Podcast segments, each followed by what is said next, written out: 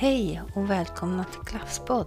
Jag heter Eva Jakobsson och eh, idag ska vi få följa med till ett café i Sunne där Susanne Nyman som är lärare hos oss och hennes deltagare kommer att läsa upp lite texter som de har skrivit. Susanne har haft en kurs som har hetat Läs och skriv noveller på kvällstid under hösten här. Och vi kommer framöver att presentera texter.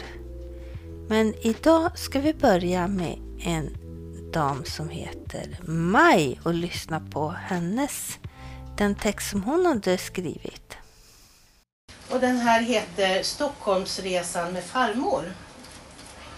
Så satt vi här på tåget in till Stockholm, farmor och jag. Den här gången var det min tur att vara resesällskap och ledsagare. För några år sedan fastnade min farmor i alkoholmissbruk och min geniala faste kom med förslaget och villkoret att om hon höll sig nykter på vardagarna och drack enbart på lördagarna skulle barn och barnbarn åka med på en resa som hon fick välja. Önskeresan var densamma varje år. Stockholm. Farmor iklädd hemsydd klänning i marimekkotyg, köksgardinerna från köket, hennes från det gamla hemmet, ordentliga och fotvänliga träningsskor samt nyinköpt gul fjällräven ryggsäck. Pappa hade sagt till mig att titta i ryggsäcken efter vinflaskan. Inte kul att dra runt på en alkoholpåverkad tant på tåget. Tillfället kom när hon skulle gå på toaletten. Det fanns ingen flaska, men däremot, förutom lite kläder, en trädgårdsspade oanvänd. Konstigt. Men vi kanske skulle till Skogskyrkogården där farmors föräldrar ligger begravda. Begravningsplatsen anlades av arkitekten Gunnar Asplund på 1930-talet och tillhör numera Unescos kulturarv. Jag blev glad eftersom jag till hösten börjar på KTHs arkitektlinje. Vi skulle bo på farmors eh, favorithotell på Kvarnholmen.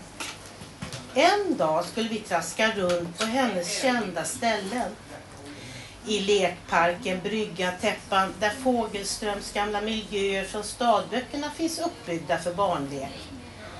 Då säger alltid farmor, har du läst Mina drömmars stad? Nej, det har jag inte. Får ni inte läsa den i skolan? Det fick jag. Boken handlar om Stockholms tillväxt och utveckling under 1900-talet. Men jag växte upp i Karlstad. Nu läser vi Harry Potter och det är 60 år sedan stadböckerna kom. När du gick i skolan farmor. Första kvällen ville farmor träffa sina vänner på ett uteställe vid Danvikstullskanalen som låg precis vid hotellet.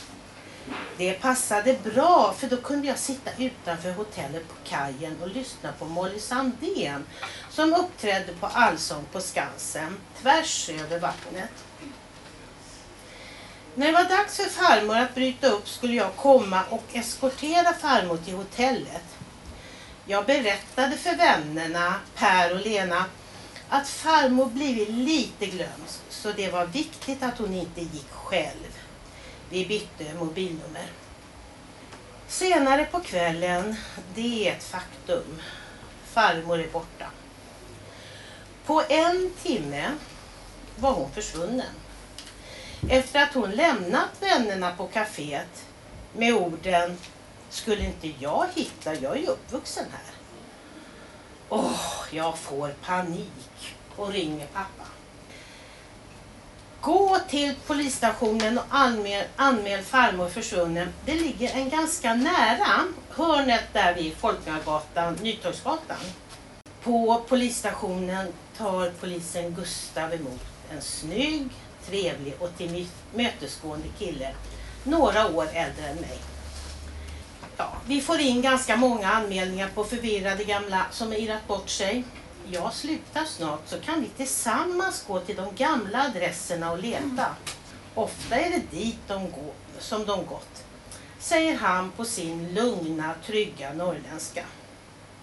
Vi går till Bondegatan 15 där pappa och hans bror bodde de första åren av sin barndom innan de blev lantlollor. Där är det inget anmärkningsvärt. Vidare till Folkungagatan 150 och där, på bakgården, en riktig gammal söderbakgård där de gamla torrdassen nu fungerar som förråd, sitter farmor tillsammans med några människor och skrattar och skryter om att hon minsann bodde här fyra trappor upp med utsikt över hamninloppet på 70-talet. Hon är så glad och skrattar sitt hesa skratt men är helt ledig på fingrarna. Varför? Hon bara viftar bort det. Nästa dag, ute vid graven på Skogskyrkogården, tar hon inte upp spaden en enda gång och jag vill inte fråga. På hemvägen under tågresan blir jag åter väldigt nyfiken på ryggsäcken och när farmor går för att köpa kaffe undersöker jag snabbt. I säcken ligger sedelbuntar med tusenlappar. Prydliga buntar med plast omkring. Spaden är inte kvar. Samtidigt ringer Gustav och undrar om jag kommer till Stockholm snart. Slut. Vi tackar Maj för den här texten och vi återkommer med flera texter ifrån olika personer. Och kursen Läs och skriv noveller den startar hösten 2024 så du är välkommen att söka redan nu. Ha en riktigt bra dag!